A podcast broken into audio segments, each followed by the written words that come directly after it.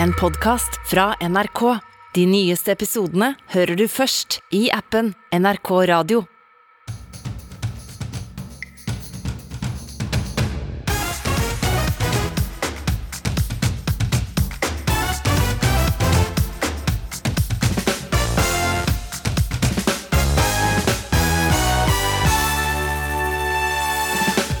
«2021 var året vi gikk fra koronapressekonferanser med denne mannen så er det viktig at hver enkelt av oss nå ser at vi er nå i en veldig alvorlig situasjon. Vi er inne i en annen bølge.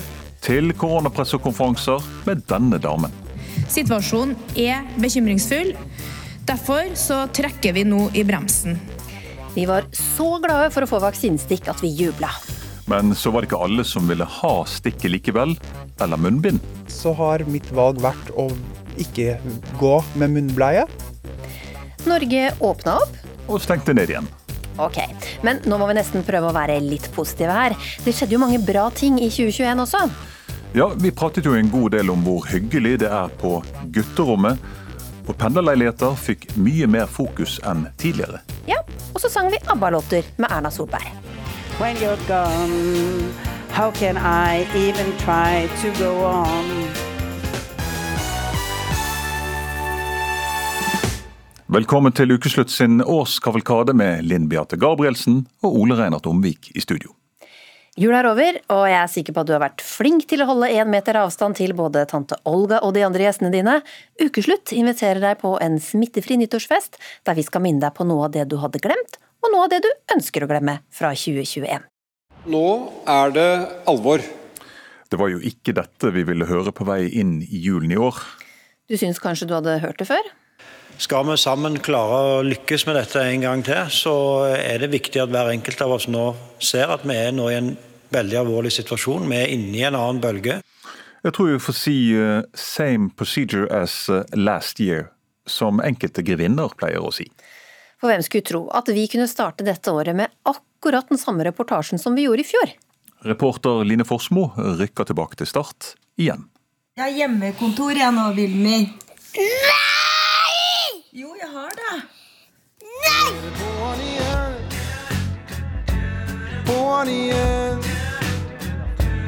Minnene fra fjorårets stenging av skoler og barnehager kommer tilbake når regjeringa nå snakker om muterte virus, villsmitte og strenge tiltak på Østlandet. Ja, det er som å sånn, få en intuitiv slegge rett i trynet. Så det første jeg tenkte var bare å nei, hjemmeskole. For det var som om alt begynte å skje om igjen. En vond drøm som vendte tilbake. Statsminister Erna Solberg 12. mars 2020. I dag kommer regjeringen med de sterkeste og mest inngripende tiltakene vi har hatt i Norge i fredstid. Og statsminister Erna Solberg 23. januar 2021. Det er det strengeste tiltakene vi har hatt siden 12. mars. I 2020 hamstra folk doruller i både innland og utland. Og så er det jo nå utsolgt på doruller av alle ting, eh, veldig mange steder. Som antageligvis skulle brukes til litt av hvert i tiden fremover. Jeg tok sånne armhevinger med doruller i dag, for det fortalte Yngvar om i går. I 2021 er det hamstring av alkohol fra Vinmonopolet som preger nyhetsbildet. Over 100 meter lang kø utenfor Vinmonopolet i Sandvika i Bærum. Igjen snakker vi om grenser som stenges. Nå blir Norge stengt. Om det er greit å dra på hytta. Det er selvfølgelig mange som denne helgen er på en hytte. Og søringkarantene. Nå er omgrepet søringkarantene igjen blitt et tema.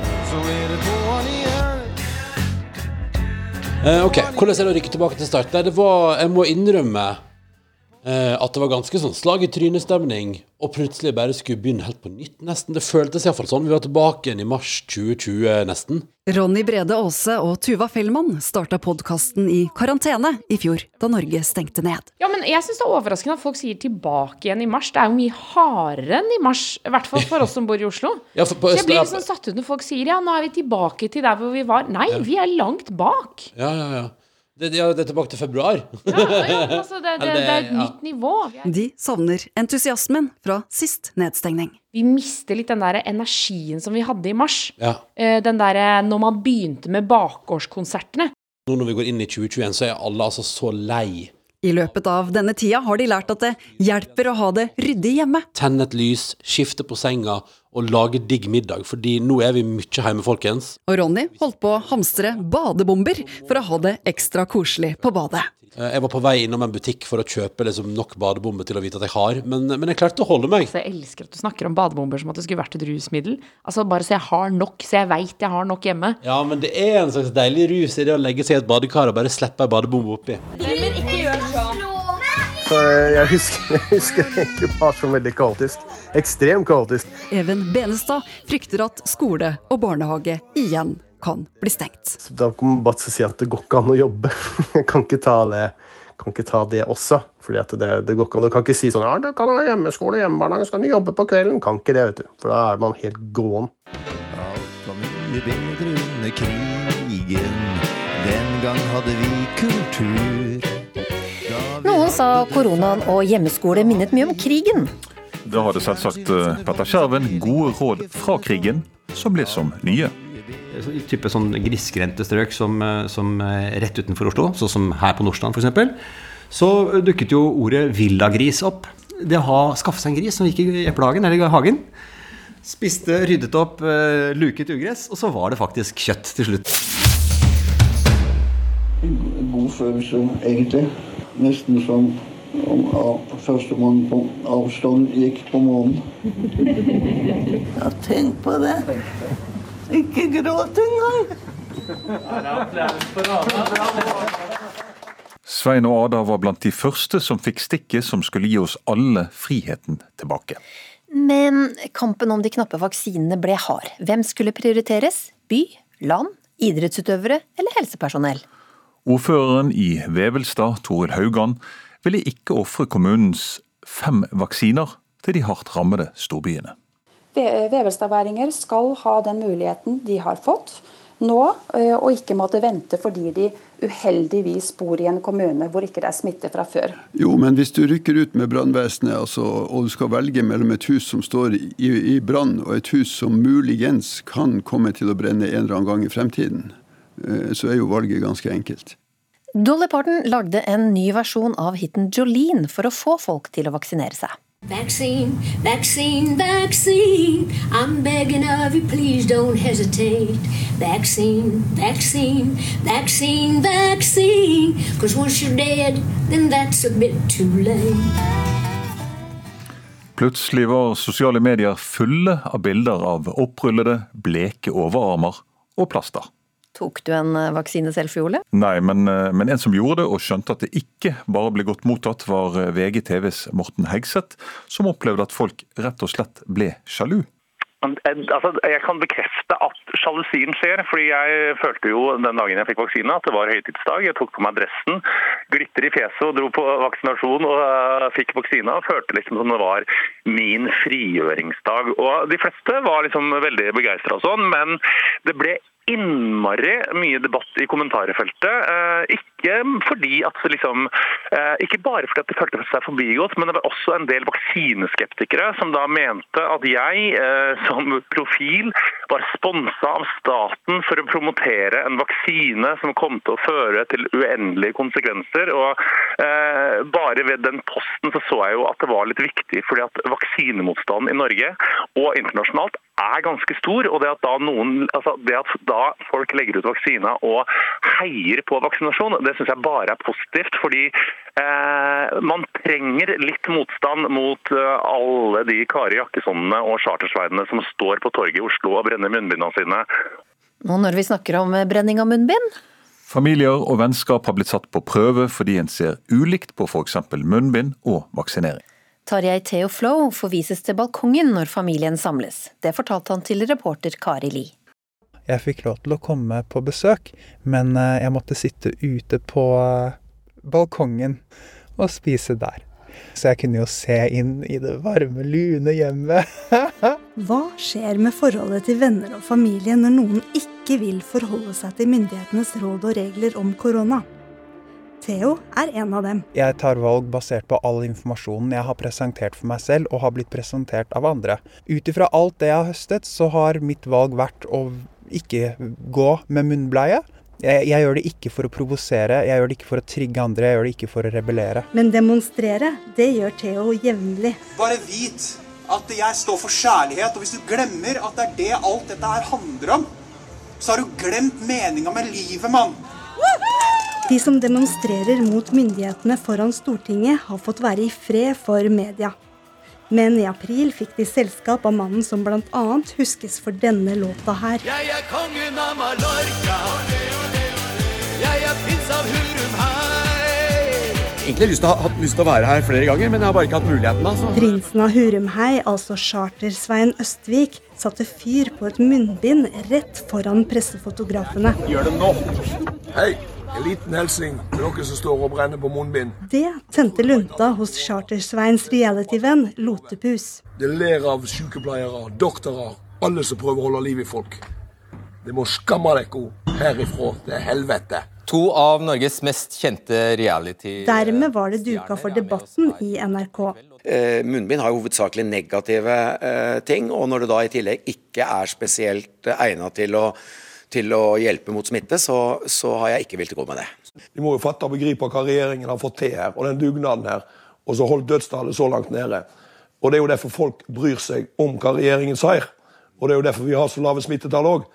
Og da kan ikke vi bare begynne å leke med dette her, at vi skal brenne munnbind og tro at det blir bedre, for det vet jo enda verre. Det er jo bare å se litt lenger enn nå som rekker. Det er egentlig ikke, har ikke så mye hensikt å prøve å diskutere med den, fordi alt det som du da kommer med, er jo da fake news. Pål Nordkvelde sto nylig fram i Filter nyheter og fortalte hvordan familien ble splitta fordi én bror tror på andre forklaringer enn de offisielle om koronapandemien. Nei, vi, altså vi i vår familie har jo lært oss å ikke snakke om disse tingene her. Dersom broren legger ut noe kontroversielt på sosiale medier, skriver storebroren inn en kommentar. Jeg må ikke det. Eh, men det er litt viktig at eh, omverdenen ikke tror at eh, dette, han er et talsrør for vår familie. Broren til Pål vil ikke uttale seg i ukeslutt. Hey, so. Tilbake til Terjei Theo Flow, han som måtte spise middag på balkongen og som demonstrerer sammen med Charter-Svein. Theo har hatt kreft siden 2015, men nekter å ta imot medisinsk behandling. Han takka også nei til koronavaksine. Hvis folk ikke spør hva jeg synes om at de skal ta en vaksine, så kommer ikke jeg til å ta og prøve å prakke på dem mitt synspunkt. Det er sånn hei, jeg- kan stole på deg, du gjør det du mener er riktig for deg. Men hvis noen kommer med en nål og sier nå skal jeg vaksinere deg imot din vilje, så kommer jeg til å kjempe med nebb og klør og rive deg i stykker hvis du kødder med min frihet. Um, sorry, jeg må hente Det er ikke spesielt trygt hvis du er snørrete nå. Nei, jeg det. Det er det. Det er verste tidspunktet ever. Hvor er nærmeste karantene? Skeptikerne ble om mulig enda mer skeptiske da flere fikk eh, blodpropp av AstraZeneca-vaksinen. Sykepleier Katrine Krøger hadde fått den vaksina, og ble redd da hun hørte nyheten. Som jeg sa, litt av akutt angst. Jeg begynte å google frenetisk, og syntes jeg proppet, hele kroppen proppet seg. Og så googlet jeg frenetisk både etter symptomer på blodpropp, og så var jeg veldig ute etter når disse symptomene eventuelt kunne komme. Var det etter en time, etter en uke, etter to uker? Ja. Line Ølmeim Aasrud fikk eh, bokstavelig talt kjenne det i kroppen. Hun ble så dårlig av AstraZeneca-vaksina at hun ble lagt inn på sykehus. Eh, Den dagen jeg tok vaksine, så fikk jeg de typiske mm, influensasykdommen. På den fjerde dagen så ble jeg litt bedre, eh, men på kvelden da så begynte jeg å hive etter pusten. Jeg fikk ikke pusta sånn som jeg normalt gjør. Eh, I tillegg så fikk jeg vondt i beina fra livet og ned. Eh, Akkurat som om jeg har kramper 24-7, og det, det er det jeg sliter med enda. Eh, Så jeg tok kontakt med legevakta, og jeg ble sendt rett på akuttmottaket og ble lagt inn. Eh, De fant blåmerker. Det her var jo samme dag som det ble slått opp i media, da. Eh, Og det var jo ikke bare jeg som var på sykehuset den dagen. Endelig kunne alle voksne som ville og kunne det, bli vaksinert. Men barna fikk ikke. Trebarnsmor Katrine Nordhus lurte på hva myndighetene venta på. Jeg, jeg mener at det er veldig viktig at de får tilbud om koronavaksine, fordi at vaksiner er en trygg måte å beskytte seg mot sykdom. eh, Og det gir en forutsigbarhet i hverdagen som gjør at de kan ha en normal skolehverdag. Line Wold, avdelingsdirektør ved Folkehelseinstituttet, velkommen til deg. Så. Takk skal du ha. Ja, Dere gir faglig råd til våre helsemyndigheter og har anbefalt at 16- og 17-åringene skal få vaksine. Men, eh, men, hvorfor har dere ikke kommet med en beslutning enda om dere vil anbefale vaksiner til barn mellom 12 og 15 år også? Ja, Det er fordi at vi, eh, vi, vil gå grundig inn i de dataene og den kunnskapen som foreligger om vaksinering av denne aldersgruppen. Og som vi hørte litt tidligere her, så er det jo sånn at eh, barn eh, reagerer jo litt annerledes på infeksjonen. De er mindre utsatt for alvorlig sykdom enn det de eldre er, og, og kanskje har et litt annet immunforsvar. Altså at immunforsvaret litt, reagerer litt annerledes på en vaksine også enn det de eldre gjør. Så Derfor så er vi opptatt av å gjøre en grundig vurdering av nytte nytten for barna, holdt opp mot, eh, mot hvilke eventuelle uheldige konsekvenser det kan ha. Ja, Vil det ikke være bedre å være føre var enn etter snar, eh, Katrine Norus, og, og, og, se litt mer i data som kommer, og, og være enda tryggere? Selvfølgelig. Jeg syns det er fint at det har tatt litt tid før både vi voksne har blitt vaksinert, og før barna skal vaksineres. Men jeg tror at en beslutning om vaksinering eh, på et nåværende tidspunkt vil gjøre det lettere for folk å følge opp med smitteverntiltak fram til det blir tilgjengelig, da som en gulrot lenger fram. Ja, den gulroten, Lindevold. Mm. Nei, men Det er jo akkurat det som løftes her som vi holder på med. Vi gjennomgår de dataene som foreligger og de erfaringene som man gjør seg i andre land som, som nå holder på å vaksinere de eh, mellom 12 og 15 også.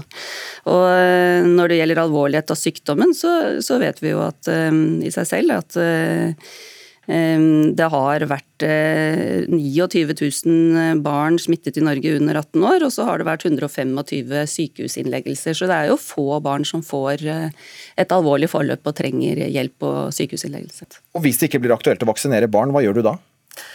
Altså, da må vi jo eh, prøve å holde de trygge, eh, i hvert fall så lenge som mulig. Altså, de kommer jo antageligvis til å bli smittet, og jeg tror jo at mine barn kommer til helt fint å komme seg gjennom en koronainfeksjon uten senskader. Eh, men vi vil jo vurdere kanskje da å dra på ferie f.eks. til USA neste år, sånn at vi kan få vaksinert de hvis de da enda ikke er vaksinert. Men en måned senere, i september, endret FHI og åpnet for vaksine til alle ned til tolv år. Så nå er spørsmålet skal de under tolv år også få? Natt til 30. desember var det ett år siden leirskredet i Gjerdrum, der ti mennesker døde og over 1600 mennesker ble berørt. Men tragiske hendelser får også fram det beste i oss. Reporter Line Forsmo var på Gjerdrum noen uker etter skredet. Givergleden var stor, og varmet de som sto igjen med ingenting etter skredet. Eh, det var jo juleferie den eh, tiden, så da var vi våkne litt ekstra. Så jeg la meg da, og så litt etterpå så hørte jeg et, eh, ja, et brak. Braket Eivind Dølen først trodde var lyden av en brøytebil, var kvikkleireskredet i Gjerdrum som gjorde at han og familien måtte evakuere. Så kom det, hørte jeg at det begynte å trampe på terrassen vår, fordi at det er der eh, hovedinngangen vår er. Og eh, så ringte det på døra, og da løp jeg ned i bokseren, og der sto det en eh, brannmann. De tok bare med seg klærne de gikk i, og mobiltelefoner, i tilfelle de skulle miste hverandre. Ting var jo litt sånn i tåkeland. Altså, vi skjønte liksom ikke helt hva som skjedde, selv om brannmannen sa at det hadde vært et ras. Nå sitter Eivind på hotellrommet på Olavsgård hotell, hvor han og familien har bodd siden, og ser ned på et par ullsokker som noen ga han for å hjelpe, og som varma så godt at han begynte å gråte. Jeg har dem faktisk på meg i dag. Gode ullsokker. Ja, hva betyr det å få, uh, få klær og, og, og ting som har blitt samla inn til dere? Det betyr utrolig mye. Det sier jo litt om eh, oss nordmenn at eh, eh, vi alle er sammen. Det gir håp til dem som eh, kanskje ikke har noen ting, som oss. Stabler av klær de har fått donert, forteller om omtanke og mange som vil hjelpe. Alt vi eier nå, det er det vi har eh, fått fra donasjoner. Og det er vi veldig takknemlige for. Vi har hatt nesten 40 familier med behov for klær som har kommet til i dag, og vi kan gi dem hjelp. Det er fantastisk. I Holterhallen er mange i sving. Til å begynne med så la vi merke til at folk var fryktelig beskjedne. Øyvind Ordemann, lokalforeningsleder i Nannestad og Gjerdrum Røde Kors, viser fram en hall full av klær, sko, barnemat, kopper og fat, samla inn for å hjelpe de som måtte forlate sine hjem pga. skredet. Vi har prøvd å få de til å forstå at her må de ta til de blir flau, og litt til. For uh, det er det som står og ser ned og sier at uh, den buksen kan jeg sikkert bruke noen dager til. Øyvind blir rørt når han ser barn som finner leker og ler igjen. En hel haug med bamser. Ja, Her ser vi tre små jenter som virker veldig fornøyde med noen barnevogner og forskjellig her. Da får de også eh, tanken på noe helt annet enn eh, det som har skjedd. Og Jeg tror også eh, er veldig viktig at eh, man får muligheten til å tenke på noe annet. Det skjedde jo noe spennende i 2021 da. Det var jo valg. I valgkampinnspurten fortalte Erna Solberg at hun på ingen måte hadde gitt opp, og at de sto på. Jeg vet at uh, vårt parti er nå ute og jobber for full mugger med å uh, snakke med velgere. Og mange, og jeg tenker at det gjør oss optimistiske på mulighetene, og så er det hardt arbeid. Og så liker jo jeg å møte folk. Jeg liker, Det er fantastisk vær for øyeblikket på, på Nordvestlandet. Det er bare, du blir jo glad bare av været og utsikten og folkene du møter. Og så har jeg hatt en liten tur på Atlanterhavsparken før i dag og fått sett noen oter og pingviner og seler. Sett det havet vi skal leve av i fremtiden. Eh, så jeg tenker at det er grunn for optimisme. Nå er det jo enkelt å være eh, etterpåklok, for vi vet jo hvordan det gikk med valget. Det endte med at Jonas Gahr Støre tok med seg Senterpartileder Trygve Slagsvold Vedum og leder for Sosialistisk Venstreparti Audun Lysbakken til Hurdal. Nå blir dere ferdige? Ja, nå, vi, nå, er vi ferdige. Når vi er ferdige, ja. ja. Noen har sagt søndag. Ja, men Nå får vi bruke den tida vi trenger. Hvordan føler du at prosessen går? Prosessen går. Prosessen går, ja. Den går bra. Den går bra, den. Unnskyld? Har dere begynt å forhandle taburetter? Tabletter? Taburetter. Ta deg en pille, Penn. Det var eh, god stemning i gruppa en eh, god stund, helt til SV fikk nok og dro tilbake til Oslo. Og Støre og Vedum måtte fortsette med regjeringssonderingene for seg selv. Og mens de holder på med det, så kan vi jo minne deg, kjære lytter, på at 2021 eh, var det året vi takket av en ganske så tydelig politiker gjennom mange år. Jeg er veldig glad i partiet. Men det har gått utover den aller viktigste familien og mine nærmeste venner. De har alltid vært der for meg, og nå vil jeg være mer der for dem. Siv Jensen har hatt et langt politisk liv, og det fikk ukeslutts reporter Philip Johannesborg til å grave i arkivet. Gjort eh, kometkarriere i Fremskrittspartiet. Hvilken ministerpost kunne du tenke deg, da? Nei, Jeg syns det er litt for tidlig å begynne å ta stilling til ministerposter nå. Og i 1997 ankom Siv Jensen Stortinget og høynet med det debattemperaturen i landet. Dette må du mene noe for du sitter på Stortinget snart. Jo, men kjære vene, vi kan ikke mene noe om alt. Altså, dette er Og selv om Apertun Selle sitter der og sier at det foregår styggdommer oppi hodet på alle menn i Norge, det er altså ikke tilfellet. Det sa jeg jo ikke. Ja, det var ikke jo, langt unna. Jensen ble nestformann i det mannsdominerte partiet, og måtte svare pressen når mannlige partifeller hadde gjort noe dumt. Når grunnen til at vi alle sammen er med i dette partiet, er fordi vi tror på en politikk og på en annen utvikling av det norske samfunnet enn den vi har sett. Men 2. mai 2006 det ble en merkedag både for henne og partiet. Så overlater jeg deg også makten, æren og belastningen ved å være sjef for hele Tusen, tusen, tusen takk. Er dere sikre på at dere vet hva dere har gjort nå? Siv Jensen ble den første kvinnelige lederen av Frp, og hun var også den første til å ta partiet inn i regjering og ut igjen. Det fikk begeret til å renne over. Selv om Frp har hatt sju justisministre, så har de kun hatt én finansminister. En veldig tydelig, klartenkt, men også en, en veldig flink eh, kvinnelig politiker fra norsk politikk. Og kort sagt, Stemmen hennes har blitt lagt merke til. En av de tingene dere har vært opptatt av hos meg, har vært stemmeleie, og det har dere også brukt en del tid på. Først Siv Jensen i 1998, om sitt aller første år på Stortinget. Små ting i riktig retning syns jeg er å spore, men samtidig så går noen ting i gal retning. Og så 2008-stemmen. Det er ikke noe tvil om at det kommer til å bli en ikke-sosialistisk regjering etter valget, hvis velgerne setter sammen Stortinget på den måten. Og med fakta på bordet og 15 partilederår bak seg, gjenstår det vel bare å si Send. Men vi fikk jo Carl I. Hagen tilbake etter stortingsvalget, da. Det er sant, og det var det mange som mente var stas, men eh, kona Eli Hagen var i tvil. Under tvil, under tvil. Men uh, altså, han er jo så glad for å ha kommet inn, så jeg må jo glede meg på hans vegne. Jeg må jo det, men uh, ja, det er litt, uh, litt under tvil. Tilbake til Hurdal og regjeringssonderingene. Jeg, la meg si det like ut. Trygve Slagsvold Vedum ble til her. Ikke akkurat her, men i nærområdene. Det er hans ord! Så vi går til røttene. I dag så unnfanger vi altså plattformen. Uh, Hurdalsplattformen. Det er vanlige folks tur. Og siden de danna regjering, har de lagt fram et statsbudsjett og holdt et ukjent antall pressekonferanser om koronasituasjonen. Vi sa farvel til fargerike statsråder som kulturminister Abid Raja. Who, who is this? Is Tom Cruise. Tom Cruise! My God! We have we, we have one thing in common, you know. Uh, we've both been hanging from the prekestolen, you know. Been hanging from that? Yeah. Da samfunnet åpna igjen, var Raja blant de første ute på dansegulvet. Jeg har med meg bestevenninna mi for å danse med. Så gøy! Og er kona har tatt menisken, så kona kan ikke danse. Så jeg har med bestevenninna mi, så vi skal, vi skal slå oss løs på dansegulvet her. Og vi sa hallo til nye statsråder, som kulturminister Anette Trettebergstuen. Hvor flink er du til å ta selfies sammenligna med Abid Raja?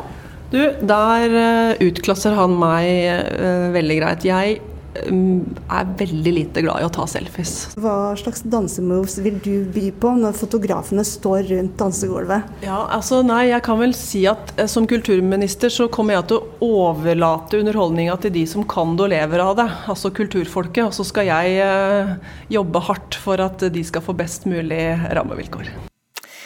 Bortsett fra det så husker jeg ikke så mye mer av valgkampen og valget. Gjør du, Ole? Så var det disse pendlerboligene.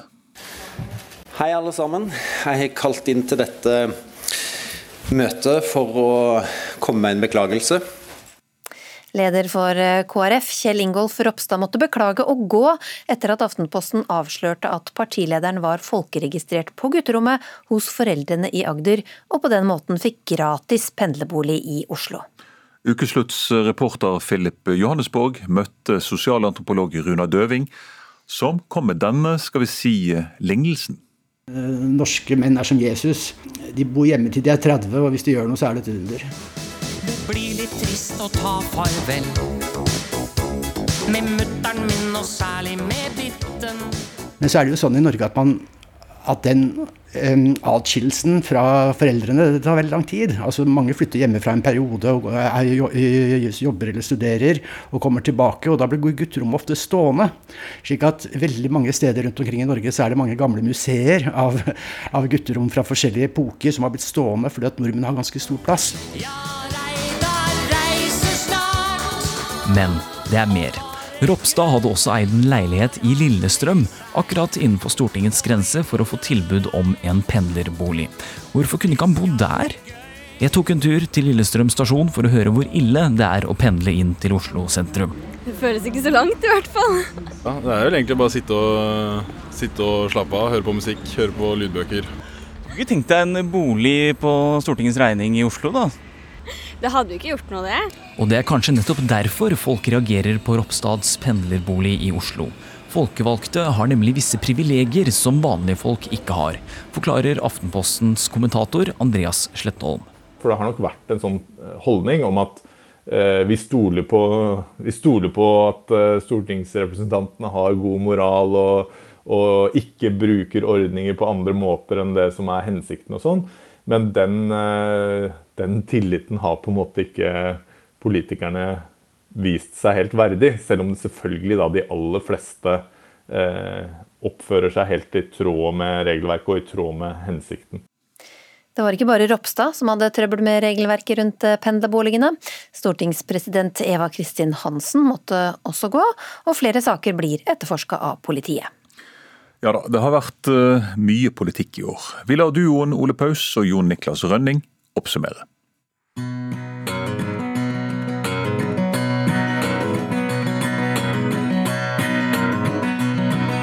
Tale er sølv og taushet er gull, er en påstand. Mye skrik gir lite ull, det er en påstand. Tre er for mye, det er bedre med to. Erna var en landsmoder på linje med Gro, og det er typisk norsk å være god. Det er en påstand. Da Ap vant valget, ble det langt fra noen fest. Det er en påstand. Det var så vidt de slapp inn en eneste gjest. Det er en påstand. Alle regler om smittevern ble riktig håndtert, og alle vi som så på ble sykt imponert av hvordan énmetersregelen ble respektert. Det er en påstand. Ropstad er en gudfryktig mann, det er en påstand. Det er ingen mer gudfryktig enn ham, det er en påstand. Og så er ærlig, den saken er klar. Hiv lappen i hvilke adresser han har, for egentlig bor han hjemme hos mor og far. Det er en påstand. Jan Bøhler er virkelig et politisk geni, det er en påstand. Det var lurt å melde overgang til Senterpartiet, det er en påstand. Nei, det er ikke så viktig hvor dårlig det gikk, for nå som Bøhler er ferdig med norsk politikk, er vi glad for at han nå kan satse alt på musikk. Det er en påstand. MDG er et nytt og verdifullt parti, det er en påstand. Hva verdiene består i er ikke enkelt å si, men det er en påstand. Nå er valget forbi, og det kan ikke gå galt. Sangen vår til ukeslutt har oppsummert alt. Og for sangen vi skrev, får vi sykt godt betalt. Det er en påstand. I Afghanistan er det fremdeles tusenvis av mennesker på flyplassen i Kabul. De prøver å komme seg med fly som evakuerer utenlandske borgere. I helga tok Taliban kontrollen over Afghanistan, og presidenten forlot landet. Det var dramatiske scener fra flyplassen i Kabul da Taliban tok makten i Afghanistan i slutten av august. Mennesker ble trampa i hjel, andre mista livet da de prøvde å klamre seg fast til flyet på utsida. Fly på fly evakuerte hjelpearbeidere og lokale som hadde jobbet for regjeringen, men også mange enslige barn. Terje Watterdal fra Afghanistan-komiteen fikk en liten gutt på rundt ett år på fanget på flyet hjem. Han ble kalt for Rocketman fordi han var rimelig eh, hyperaktiv og løp rundt på sykehuset. Ble kjent med han der. Fikk god kontakt, så jeg fikk ansvar for ham til Tiblisi. Og eh, det var mye bråk om bord i flyet, så han våknet veldig ofte. Så jeg brukte hele natten på å eh, vugge ham og synge, synge, for ham, så han skulle, skulle sovne igjen. Så jeg er litt sånn sliten i, sliten i, stemmen, men det var en fantastisk opplevelse å, å få lov til å hvert fall bidra til noe godt i denne guttens liv. fordi han har, selv om han er liten og kanskje ikke forstår alt, så er alle de menneskene som var nære og kjære rundt ham, de er foreløpig borte. Taliban lovet fred og orden i Afghanistan.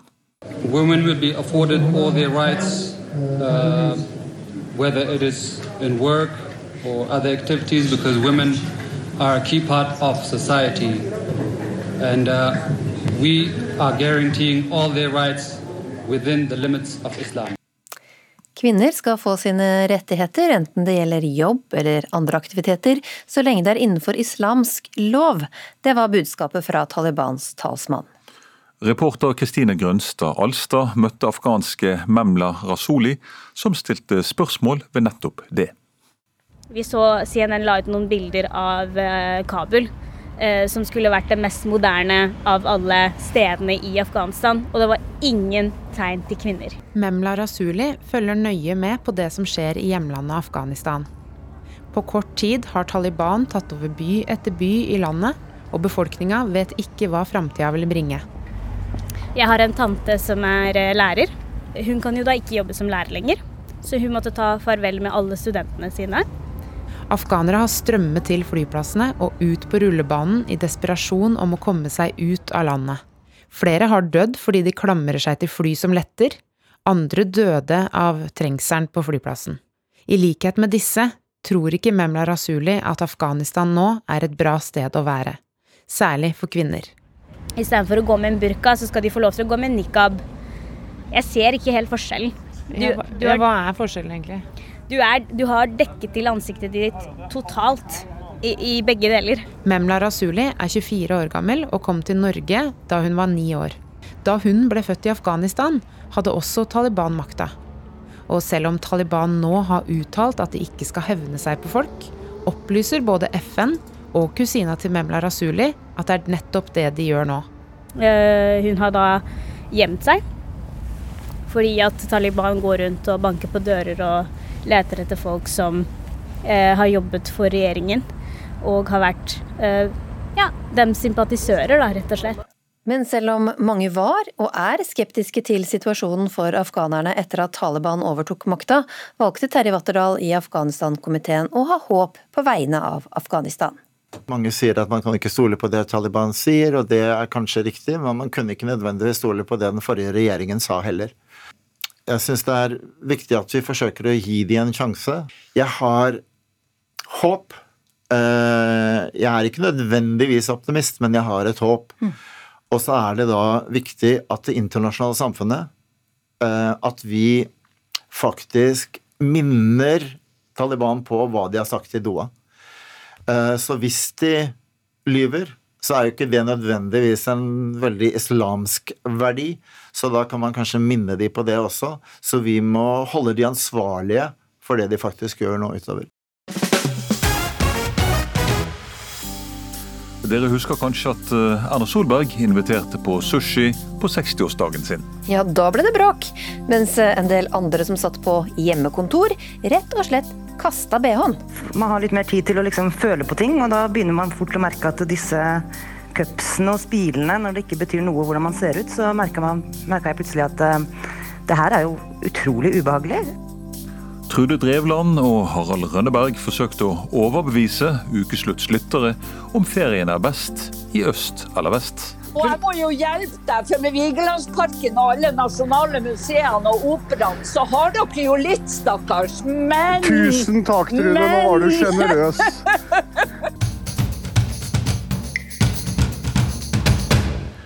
En mektig dame ble 60 år i år. Mener du hun med alle reglene og formaningene? Nettopp, Erna Solberg. Men det ble mange regler etter hvert, selv for henne. Ja, Det gikk jo litt i ball for Erna da hun skulle holde styr på antallet gjester. Hvis dette er eh, straffbart, hvis dette gir bøter, så vil jeg selvfølgelig eh, bidra til at vi alle betaler for det som vi har gjort feil. Kanskje er det sånn at jeg har trodd jeg kunne reglene, og derfor ikke sjekket de. Og derfor eh, har det ikke blitt godt nok. Da tok eh, programleder i Radio Rock, Susanne Aabel, tastaturet fatt. Da delte jeg en post på Facebook, og så skrev jeg 'nå klikker det for meg'. Og det gjorde ikke det. Og jeg har det, har det fortsatt helt fint. Det er vel strengt tatt heller ikke ukas aller største sak. Det er ikke så viktig sak, egentlig. Men ja, ok, politiet må gjerne gjøre jobben sin, men bare det at statsministeren havner i en situasjon hvor politiet må gjøre en liten jobb, det er litt krise. Jeg syns det er helt fjollete, og jeg tror ikke noe på at hun ikke kunne forskriftene. Det vi ikke tåler, som har stemt på Erna til og med, det er at hun lyver. Eh, og det, det, enten så har hun gjort en kardinaltabbe med å ikke følge sine egne råd, og det er jo det verste vi veit alle sammen, er det ikke det? Eh, Jenny Jensen, eh, altså vi har levd i en pandemi i et år. Veldig mange har altså måttet gått glipp av eh, 60-årsdager og 50-årsdager og hva det nå enn er, og, og, og brylluper og dåp og osv. Og så velger hun å ha en, en feiring med, med flere, og Ja, men- til Ja. Ja, men altså, skal være er det ikke, er det ikke at det går en kule varmt? Jo, selvfølgelig går den kule varmt. Og jeg som kulturarbeider jeg har jo virkelig fått smakt på hva denne pandemien gjør. Som fikk, fikk yrkesnekt og ble fratatt alle jobbene den 12. mars i fjor. Så det har jo ikke med det å gjøre, men det har jo med at vi er mennesker. En statsminister er òg et menneske. Og jeg syns at da skal man bli behandla som det også. Og alle kan trø feil. Og jeg syns vi skal holde debatten nede på et sånt plan at vi skal snakke, vi skal snakke hverandre opp istedenfor å snakke hverandre ned. Det provoserer meg noe voldsomt at, at debatten skal spores sånn av. La nå politiet gjøre sin ting. Og takk og pris at Erna Solberg viser menneskelige trekk, at hun er et menneske. Alle kan gjøre feil, alle kan trå feil hvis hun har gjort det. Det er en kneik til igjen å ta, og den må vi ta sammen. Eh, det hadde vært fint om eh, politikerne våre tok den sammen med oss. Men at eh, Erna byr på seg selv på fest, det fant vi ut da ABBA kom med sitt første album på nesten 40 år. Hun og søstrene har nemlig en helt spesiell juletradisjon. Bjørn Ulveus ga henne derfor en utfordring. Hei Erna, det er Bjørn Ulveus fra ABBA. Jeg har hørt at du har en eh, spesiell juletradisjon, at du synger karaoke til ABBA-låter på julaften. Det er fantastisk om det er sant, men da vil jeg sette deg på prov. Eh, kan du synge med i SOS. Ja, Erna Solberg, er du klar for litt karaoke? Ja, det spørs jo om jeg klarer å huske teksten. Da, men vi får se. Vet du hva, Vi går rett inn i refrenget. Eh, det er litt, Inn i refrenget, skal vi ja. gjøre det? Ja. Og Jeg kan kaste meg ut i sangen med deg, og så skal jeg ta første linjen, og så, og Ja. så, og så, og så følger du uh, på. Skal vi si det sånn? Yes. Vi prøver.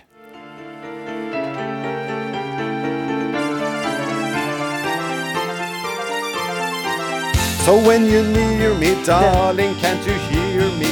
SOS. The love you gave me, nothing else can save me. SOS. When you're gone, how can I even try to go on? When you're gone, though I try, how can I carry on? Ja, dette her kan, Ja. det her kan du, Erna Ja Solberg. da, men synge kan jeg ikke. Det har jeg aldri kunnet. Men det, ja. Du tok refrenget som bare det. Ga det mersmak, eller? Eh, Ja, litt. Det er egentlig gøy å synge, men eh, det det er best uten veldig mange hø som hører på, tror jeg. Vi tar en pinne for Hemsedal, pinne for Trysil, pinne for Hafjell, en pinne for landet. Vi tar en pinne Selv om vi opplevde at vi rykket tilbake til koronastart i 2021, så var det verken forbud mot å dra på hytten eller hytteskam i fjor. Men eh, hyttekommunene tok sine forholdsregler og hadde beredskapsøvelse før de potensielt virusinfiserte hytteturistene gjorde sitt inntog i bygda. Så vi samla rett og slett både hele eh, smittesporingsgruppa, kriseledelse, representanter fra næring på servering, hotell, afterski, taxi, dørvakter, ambulanse. Alle som kan bli berørt av en hendelse. I en beredskapsøvelse hvor vi rett og slett eh, laget et rollespill og simulerte et utbrudd gradvis og satt sammen en hel dag og spilte dette gjennom. Hvordan skal vi agere? Nettopp for å avdekke huller eh, og kunne tette de, og også få en oppmerksomhet på hva vi kan bli bedre på. Og mens de fleste holdt seg hjemme, så var det noen influensere som la ut instavennlige bilder fra Dubai. Litt eh, usolidarisk, eller? Det fikk i hvert fall reporter Philip Johannesborg til å drømme seg tilbake til feriemodus. Ah, hola. Uh, uno cerveza sin alkohol, eh, por favor. Ah, hadde det ikke vært deilig med en tur til Syden nå? Etter ti måneder med pandemi og reiserestriksjoner har flere kjent på abstinensene. Her er meg eh, når jeg var yngre på Gran Canaria. Her ligger jeg, eh, litt langt hår, en sigg i den ene hånda og en eh, liten grønn shorts i den andre. Programleder og journalist i VG, Morten Hegseth, drømmer seg tilbake. Men han reiser ikke. Eh, Når dette viruset slipper tak, så skal jeg også ta lekre bilder i bikini og si at det er deilig å være på ferie. Ikke i Dubai, men et annet sted. Ibiza vil jeg dra til. For Morten Hegseth er ikke som andre påvirkere, om vi kan kalle ham det. Flere influensere har den siste uken fått hard medfart etter at de dro til Dubai. Det stormer rundt influensere som reiser til utlandet. De reiser bort i en tid hvor nordmenn flest sitter hjemme og tenker på seg angst og depresjoner og paranoia. For vi får jo, eller vi er ikke anbefalt å liksom ha folk hjemme engang. Og det da å se at liksom influensere reiser til Dubai og soler seg og tar bilder i bikini og går på middager og sånn, det er, det er ganske sånn fuck you på en måte til resten av det norske samfunnet som har jobba ganske hardt. Ukeslutt har forsøkt å få de tidvis bikinikledde påvirkerne i tale, men det nærmeste vi kommer et svar, var at forespørselen vår ble lagt ut på deres Instagram. Her er sommerskuffa, tror jeg. Så her er det blindshorts. Eh, eller ja, det er jo en sånn selvlysende lilla shorts. Den skal på med en gang vaksina er satt. Men vent litt, Hegseth. For mens du smører deg med tålmodighet, så smører Jørn Bjørn Augestad seg med solkrem, og det i Egypt. Ja, eh, dette var land nummer 17, tror jeg. 31-åringen har besøkt samtlige land i verden og lever av å reise. Men etter å ha vært hjemme i Norge fra mars til september i fjor, satte han seg i bilen og kjørte sørover. Og når sommeren kom, så ble det jo ganske mye ja, løsere, kan du si. At folk begynte å bevege litt på seg og sånt, iallfall innenlands, og det åpna opp til store deler av Europa. Og da følte jeg at eh, tida var inne for at jeg òg kunne eh, bevege litt på meg. Selv om han har bilen full av håndsprit, så har også han fått mye kritikk for å reise midt i en pandemi. Det var spesielt i starten, uh, når jeg reiste gjennom Europa i september, at folk uh, kommenterte at de syntes det var egoistisk. Jeg, jeg forstår det òg, uh, for jeg, tror nok mange forbinder reise med det å flokke seg med mange mennesker og være på flyplasser og sånt. Mens det jeg gjorde, var å kjøre min egen bil og bo i telt. Alle håpet jo på at vaksinen skulle gi oss den etterlengtede sydenturen denne sommeren. Tusenvis av flyreiser og feriedrømmer gikk i knus. Og mens folk kunne se langt etter å få pengene sine tilbake, så spanderte Norwegian 30 millioner kroner i bonus på ledelsen. Det er kanskje ikke helt dugnadsånd, da, tenker jeg. Ja, Det høres jo litt grumsete ut. Jeg vil si det. Jeg mener at det er uh, uhørt at de skal få så mye bonus når, uh, når, de har fått støtte fra staten og våre skattepenger. Hva burde de heller gjort? Nei, Det burde gå til uh, de som jobber der. Altså de, ja, de ansatte. Klassisk luksusfellen. Ingen har bedre råd å komme med enn Magne Gundersen når kreditorene banker på døra, også hos et flyselskap. Men det er nå engang sånn at de som du skylder penger, de vil ha pengene først. Og skal, de, skal vi i Luksusfellen få til en avtale med banker, kredittkortselskaper, eh, private selskaper som du skylder penger og har ubetalt regning fra, så må vi vise at eh, vi Familien de gjør alt de kan for å kutte kostnader. De kutter ned til beinet, bruker alt de har av penger på å betale det de skylder og gjøre opp for seg. Og da er det for å si sånn umusikalsk å dra av gårde på en feit ferietur, eller, eh, eller leve det eh, gode liv, mens de eh, bankene og de skylder penger, altså de blir avspist med smuler. Hva er ditt viktigste råd til Norwegian-familien? Nei, det er å kutte alle ut, unødvendige utgifter. Og det er viktigere. Det, altså, jo større problemer du har, jo desto viktigere er det. Og, men det er helt nødvendig å kutte. Skal du klare å komme deg på fot igjen, eller skal vi si opp lufta igjen. Så da gjensto norgesferien igjen. Men eh, hvor reiser man i sitt eget land? Humorist Harald Rønneberg og tidligere bergensordfører Trude Drevland tok kampen mellom øst og vest. Det som er litt artig med Østlandet, er jo at vi er på mange måter Vi er jo førsteinntrykket til veldig, veldig mange. Så jeg som haldenser og oppvokst ved Svinesundbrua, jeg er jo vant til å ta imot turister som opplever Norge for første gang. Og, så vi er jo veldig vant til å være svært gjestfrie, sjarmerende, vakre mennesker som skal gi alle besøkende verdens beste førsteinntrykk av Norge. Og så har jo Østlandet Norges største by, så du kan få urbane, fantastiske opplevelser. Vi har nydelig fjell og natur. Nei, jeg syns at eh, Østlandet har eh, oppsiktsvekkende mye fint å by på. Altså. Jeg må si det, Vidar. Jeg kunne holdt på lenge nå. Jeg kunne snakka så lenge og Trude ikke kom til. Det syns jeg er litt uhøflig. Og så er kona mi fra Bergen, så jeg må være litt forsiktig med hva jeg sier om Vestlandet. Du, La oss gå til Bergen, Harald Rønneberg. For Trude som du snakker om, det er jo Trude Drevland. da. Tidligere ordfører i Bergen og ja, stor eh, vestlandspatriot. Jeg regner med at du ikke er helt enig med Harald Rønneberg her, og ja, vil heller at folk reiser til Vestlandet på ferie i sommer. Hva kan dere lokke med? Du vet, Vi kan jo lokke med alt. Alt det som eh, Harald så forsiktig forsøker å fortelle at de har på Østlandet. Fordi at vi kan begynne med Ålesund Eh, Jugendbyen, og så kan vi bevege oss via Geiranger og til Mørekysten og ut til Veiholmen. Den mest pittoreske fiskelandsbyen i verden, hvor du får den nydeligste mat og det mest praktfulle hotell. Midt ute i havet. Til og med campingturister.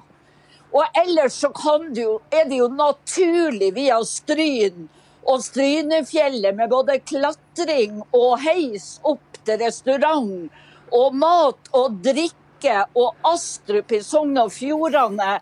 Og da må du jo bare begynne eller slutte i Bergen. Hva er det dere holder på med? Du blir sliten turist, dette her. Jeg trodde Drevland. altså, Truls sa du måtte ha god tid i Nord-Norge. Du må jo sette deg et helt liv på Vestlandet. Ja, ja, men det er Eh, men mange jeg, si. Trude, vi har også på Østlandet har vi også heis opp til restauranter. Altså, du kan ta heis opp og få deg mat og drikke her òg, men Og jeg må jo hjelpe deg, for med Vigelandsparken og alle nasjonale museene og operaen, så har dere jo litt, stakkars. Men tusen takk, Trude. Nå var du Men- sjenerøs. Men det er klart man må via Vestlandet. Altså, her, vi har alt. Og så har dere regnet, Trude Drevland. Ja, og vær har vi, og gudskjelov for det. Fordi at de gangene det da er sol og glovarmt, så er altså Bergen ikke til å tro. Og så våren. Men det er jo hvert sjette år, da, Trude. Det blir Ja. jo sjelden. Det er klart at hvis du har lyst på sommerferie med et klima som ikke ligner på ja, bortoverregn Ja, og spredtskyer, så kan Skjerp du hende at det er mange klimaflyktninger østover. Du veit det, Trude? Ja, jeg vet det, og jeg er en av de med jevne mellomrom. Men hvis du tenker 2020, hvis du husker tilbake, så regna det mye mer i Oslo enn i Bergen. Og vi hadde så varmt og godt. Og jeg var brun da jeg kom til Oslo. Det Ja. ikke mye å være Hvor, der. hvor mange år har du bodd i Bergen? 40 år om et par måneder. Ja, men da er jeg glad at, ett- at du har blitt brun i ett av dem. Det, det, det er jeg veldig glad på dine vegne, Trude. Det er ikke noe mål i seg sjøl så lenge sjela får sjelebot på Vestlandet. Koronapandemien har påvirka alt, til og med måten vi kler oss på. Vi er blitt eh, hekta på joggebukse på hjemmekontor. Bjørn Gullvåg hadde på seg hawaiiskjorte på en av sine mange pressekonferanser. Og vi så tidligere helseminister Bent Høie i flanellskjorte på hjemmehyttekontoret. Mens eh, samfunnsdebattant Erle Marie Sørheim kastet bh-en pga. koronaen. Jeg har brukt det siste året på å være mye hjemme, ja. eh, Foran skjerm. Eh, Være, man har litt mer tid til å liksom føle på ting, og da begynner man fort å merke at disse cupsene og spilene, når det ikke betyr noe hvordan man ser ut, så merka, jeg plutselig at det her er jo utrolig ubehagelig. Eh, fascinerende ubehagelig, på en måte. Og så gå med en litt enklere topp eller noe sånt senere. Så er det sånn Oi, nå er det jo mye mer behagelig og naturlig. Artist Jenny Jensen, vi har med deg også. Blir du inspirert nå til å kaste bh-en? Nei, altså For meg så er BH-en livsviktig. Altså, det, jeg, jeg kunne ikke tenke meg å kaste den. Jeg er så lykkelig for at den oppfinnelsen finnes. Og jeg har BH-er med spiler, uten spiler, sports-BH, og sort og grønn og rød. Og, og nei, jeg elsker BH-ene mine, og de må brukes. Hvorfor skal vi ha sånne metallspiler? Hvorfor er det naturlig at vi har det innerst mot kroppen? Jeg tror liksom ikke man har funnet noe sånn i steinaldersamfunnet at eh, de brukte kvister og bøyde under puppene fordi det var det man måtte ha. Altså, det er uh, BH-er med cups da gjør liksom det med å ha pupper veldig mye mer vanskelig og komplisert enn det det egentlig er. Jo tyngre du er i fronten, jo lengre siger dem ned. Så det er litt deilig å legge dem på plass. Og liksom, Løfte dem opp? Ja, løfte dem og ha dem der de skal være, og leke at man er litt yngre igjen. Og ikke bare har puppene blitt sluppet fri under koronaen. Også bunaden har fått kjenne på pandemien.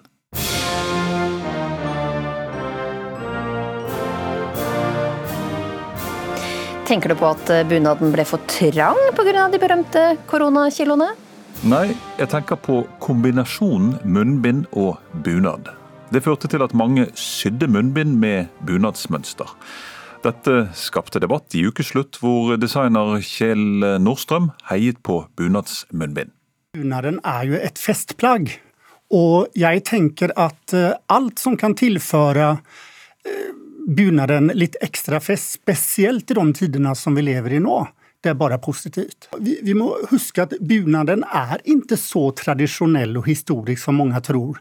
Den har forandret veldig mye helt fra starten av, og jeg tenker at samme som med kultur og mote, det er hele tiden under forandring. Camilla Rossing, du er leder i Norsk institutt for bunad og folkedrakt. Du er ikke like begeistret for munnbind med bunadsmønster. Hvorfor ikke? Vi verdsetter jo bunaden veldig høyt uh, av, av, grunner som handler om identitet og tradisjon og familie, og, og, ikke minst også det gode håndverket som ligger i bunaden. Og det å, å da pynte på et munnbind, det, ja Jeg vet ikke om det er eh, for meg så, så, blir det litt feil, for det er noe, munnbind er et praktisk hjelpemiddel vi bruker i en pandemi, eh, som vi er litt lei av. Eh, og som vi må bruke vi å skifte ut hver annen time eh, og vaske på 60 grader. Og, ja. Så for meg så er det noe som er praktisk, og som jeg bruker fordi jeg må. Eh, jeg, jeg tenker Det fine med 17. mai, som du sa, det er jo dette at ja, man skal kle seg som man vil. Og jeg tenker at Vi har en, en generasjon av unge i dag som har lyst til å gjøre en markering. Dette er liksom deres ungdom og deres tid. Jeg tenker at det er kjempekult om 50 år når man ser tilbake på fotografier og så, og så sier de at ja, det her var vår 17. mai. Og om vi ikke hadde nok med å bekymre oss for koronasmitte, ja, så har vi bekymra oss for høye strømpriser i vinter.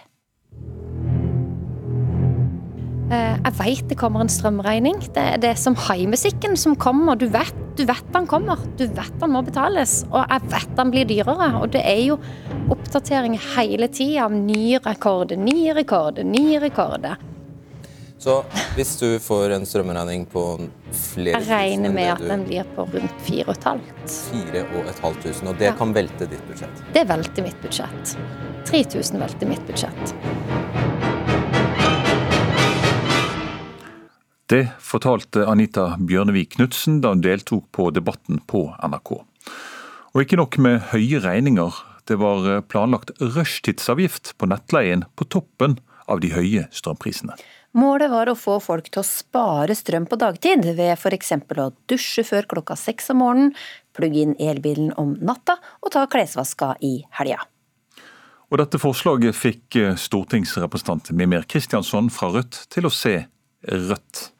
Du kan ikke tvinge minstepensjonister til å brannfarlig vaske klær nattestid, stikk i strid med brannvesenets råd, eller barnefamilier til å stå opp eh, midt på natten for å dusje eh, fordi at du skal klare å bygge ut et strømnett i Norge. Vi er jo ikke noe u-land, sånn at vi har jo råd til å bygge ut et skikkelig og fungerende strømnett i Norge. Ikke minst har kraftselskapene og de pengene stat, fylke og kommuner får fra kraftselskapene. Ja, Astrup, hva sier du til det? Hvorfor, hvorfor er det strømkundene som skal betale for nye investeringer? Vel, øh det er jo, nå er nettleien regulert av myndighetene, så myndighetene kan i og for seg velge å regulere nettleien eh, lavere. Eh, men så er det jo ikke sånn som Mimir her sier, at man skal tvinge folk til å dusje om natten osv. Det er jo totalt karikert og helt useriøst og populistisk å komme med det. Eh, og det tror jeg Mimir egentlig vet, men han er jo en tabloid fyr, og, som jeg har i og for seg stor sans for. Men akkurat her sånn så blir det krisemaksimering, og det han gjør er å spre frykt. Så det vil jeg faktisk advare mot at stortingspolitikere gjør. Og mens politikerne diskuterte, var det mange som tok grep pga. de høye strømregningene. En av dem var Karoline Brattlien. Jeg eh, måtte selge hunden min eh, for to og en halv uke siden pga. Eh, økte strømpriser denne vinteren. Jeg hadde en kjempestor hund på nærmere 70 kilo. En blandingshund som var av blandingen kangal og presa canario. Hun spiste for rundt 2000 kroner i måneden, og i tillegg så hadde jeg forsikring eh, og eventuelt dyrlegebesøk på henne. Eh, så det jeg sparer på å ha solgt Lone, er rundt 2500 i måneden. Eh, dette er jo penger som igjen strømregninga har økt med. Så det er de løpende kostnadene, det ved å ha en stor hund som ikke jeg klarer, nå som strømprisene har blitt som de har blitt. Det har skjedd eh, rystende ting dette året, også dessverre. En eh, Nav-ansatt ble drept på jobb i Bergen. Meldingene om en mann som skjøt på folk med pil og bue i Kongsberg, sjokkerte. I dagene etterpå ble byen fylt med lapper og hjerter på stolper og gjerder. Savanna Sebak Bø, som mista søstera på Utøya, var en av dem som dro til Kongsberg for å legge ned blomster. Jeg var som sagt jeg var sju år eh, når søstera mi ble drept. Så jeg syns det var viktig i dag spesielt at vi får lov til å ta, eh, putte ned noen blomster og noen lapper med beskjeder til familiene uh, om at vi ser dere, at vi støtter dere, at vi tenker alltid på dere. Hvilke tanker gjorde deg da du hørte om det som hadde skjedd her på Kongsberg? Jeg blei veldig redd, fordi Jeg ville jeg vil ikke at, at, noe, at noen andre som var min alder, skulle gå gjennom det samme som jeg har gått gjennom. Så jeg, jeg håper bare at uh, de får nok støtte i de neste kommende ukene, månedene og årene etter. Noen uker senere gikk en mann i bar overkropp til angrep på folk på gaten på Bislett i Oslo, og ble selv skutt og drept av politiet. Det førte til mange debatter rundt eh, psykiatrien og helsetilbudet til psykisk syke.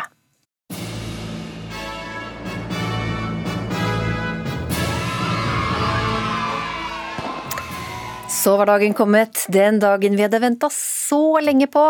Nå er tiden kommet nå skal vi tilbake til en normal hverdag. Hele Norge åpnet igjen, og vi trengte ikke å tenke på å holde avstand. Vi kunne danse tett i tett. Alle kunne ha one night stands. Ikke alle, Ole. Ok, Men det var iallfall det Bent Høie sa. Men eh, hotellkonge Petter Stordalen og artist Mia Gundersen gleda seg i hvert fall til fest, og fikk full overtenning i Ukesluttstudio. Dette blir 17. mai og nyttårsaften og litt samba i Rio og en eufori av glede. Ja, altså, jeg har allerede begynt å danse, jeg. Ja. ja jeg danser meg inn i dusjen og jeg gjør meg klar for kvelden. For den store kvelden. Ja. ja hva skjer for din del? Jeg skal ut uh, og spise sammen med ei venninne, og så skal vi ta kvelden sånn som den kommer. Og vi skal sitte tett innpå folk, for jeg vet den restauranten er fullstappa. Blir det litt kyss, klapp og klem, eller? Gjett om det blir. Jeg skal, jeg skal kysse og klemme så mange som mulig. Folk er klare, Mia. Altså, de er klare for å feste. De har vært innestengt en lang periode. Ja. Det er en generasjon unge mennesker som nå er fulle av energi, og det skal ut. Og vi begynte å klemme og håndhilse og gledet oss til fest, og ikke minst julebord. Ja, bord var bestilt, og også her i Ukeslutt varma vi litt opp etter ett års julebordspause.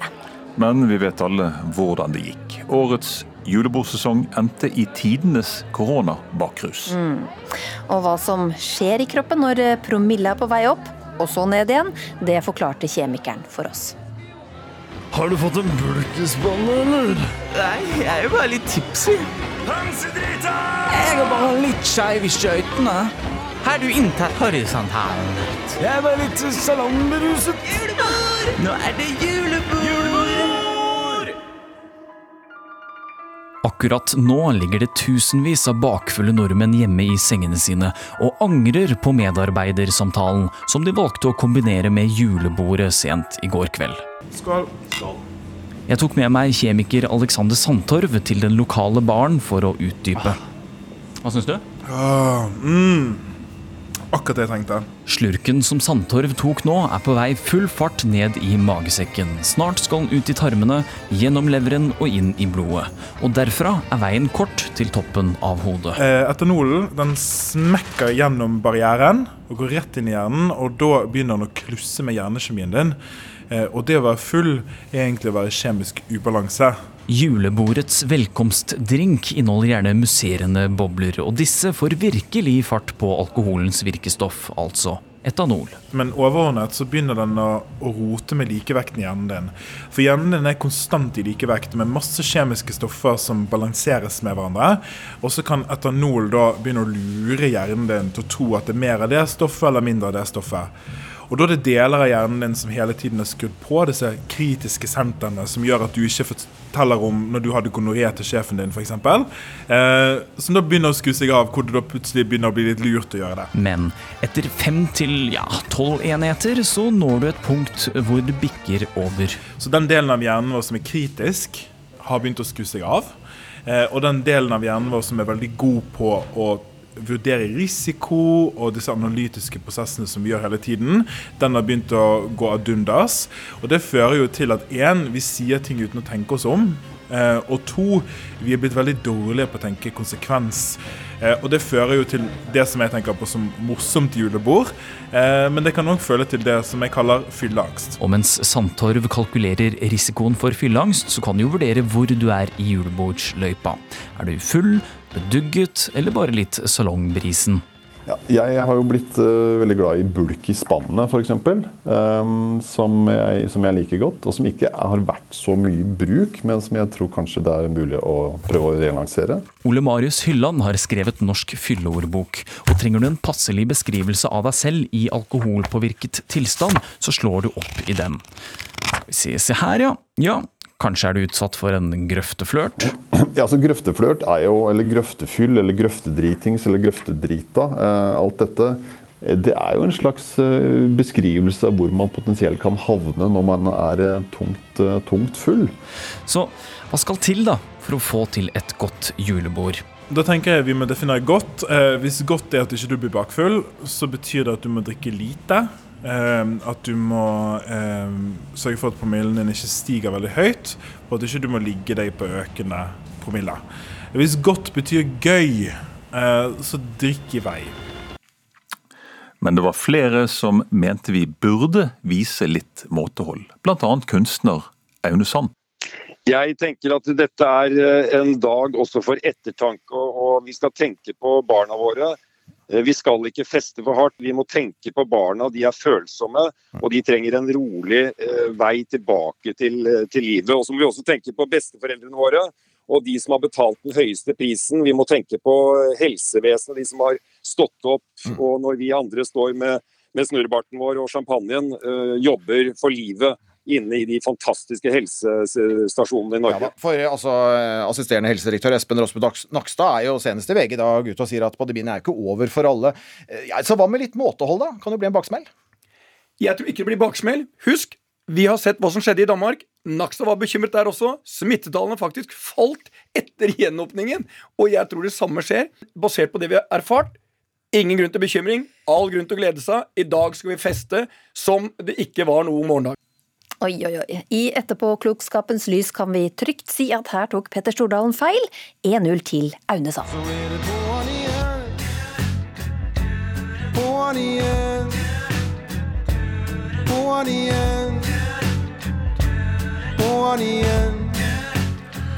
Og kort tid etter gjenåpningen i oss, så sitter vi her da, på'n igjen. Nok en pandemipreget jul med restriksjoner og munnbind bak oss.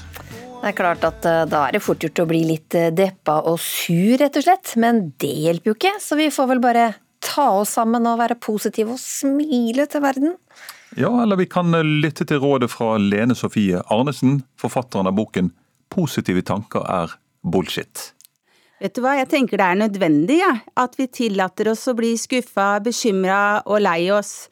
Eh, når korona øker igjen, og det er juletider, og eh, vi ser for oss at eh, det skulle bli litt lettere, og så blir det kanskje ikke det. Vi skal se at vi er født med disse ulike følelsene som er glad, lei oss, skuffa, ivrig. Og at de vonde følelsene forteller at du har noen udekka behov. Det er noe du trenger. Så i stedet for å presse fram et smil, så kan det hende det er noe du trenger å justere på. Så disse vonde tankene de er viktige for, for helsa vår? Helt klart. Jeg tror at den der litt sånn der lykkeoppskriften, det at vi skal være så blide og fornøyde, kanskje faktisk er et bidrag til at mange møter veggen og føler at de har gjort noe feil, hvis de ikke klarer å være fornøyde hele tiden. Så jeg skal slå litt i bordet, men ikke slå gubben? Ja, Nettopp. Jeg rister litt i gubben. Rist for all del litt i gubben, men husk uansett om du er sur eller blid, 2022 er kommet for å bli. Ukeslutt takker for 2021. Og inviterer deg med videre i 2022. Jeg heter Ole Reinert Omvik. Og jeg heter Linn Beate Gabrielsen. Sara Victoria Rygg har hatt ansvaret for denne sendinga. Og tekniker Frode Thorshaug har mikset det hele sammen.